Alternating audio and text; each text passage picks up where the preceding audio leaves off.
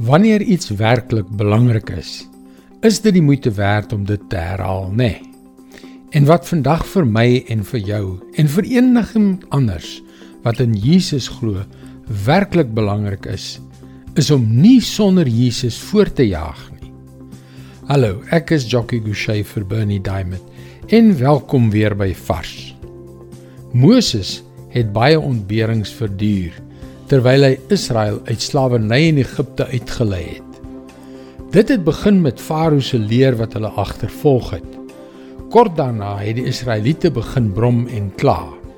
Daar was ook talle uitdagings oor kos en water. Dit het net aan en aan en aangegaan. Kom ons kyk 'n bietjie na Moses se opregte gebed tot God in Eksodus 33 vers 13 tot 16. As U my dan goedgesind is, maak my U wil bekend, sodat ek U kan leer ken en kan doen wat U verwag. Onthou tog hierdie nasie is U volk. Toe die Here gevra, moet ek self saamgaan en vir jou vrede gee. Toe het Moses vir hom gesê: As U nie self saamgaan nie, moet U ons nie van hier af laat wegtrek nie. Hoe sal die mense weet dat ek en u volk u goedgesindheid geniet as u nie saam met ons gaan nie.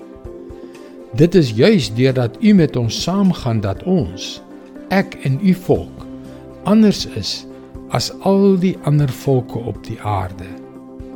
Moses wou eenvoudig nie die tog sonder God aanpak nie.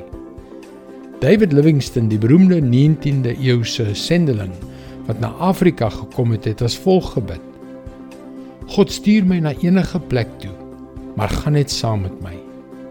En verbreek enige verbintenis in my hart behalwe die band wat my hart aan U bind. Watter reis ook al vir jou voorlê of watter struikelblok jy ook al geroep word om uit die weg te ruim, moenie alleen gaan nie. Dit is God se woord vars vir jou vandag. As ek vandag terugkyk na my lewe, is een van die grootste foute wat ek gemaak het dat ek soms op my eie sonder God dinge gedoen het. Ek stuur graag vir jou 'n gratis kopie van ons nuutste boekie. Hoe God 'n donkie soos ek kon gebruik.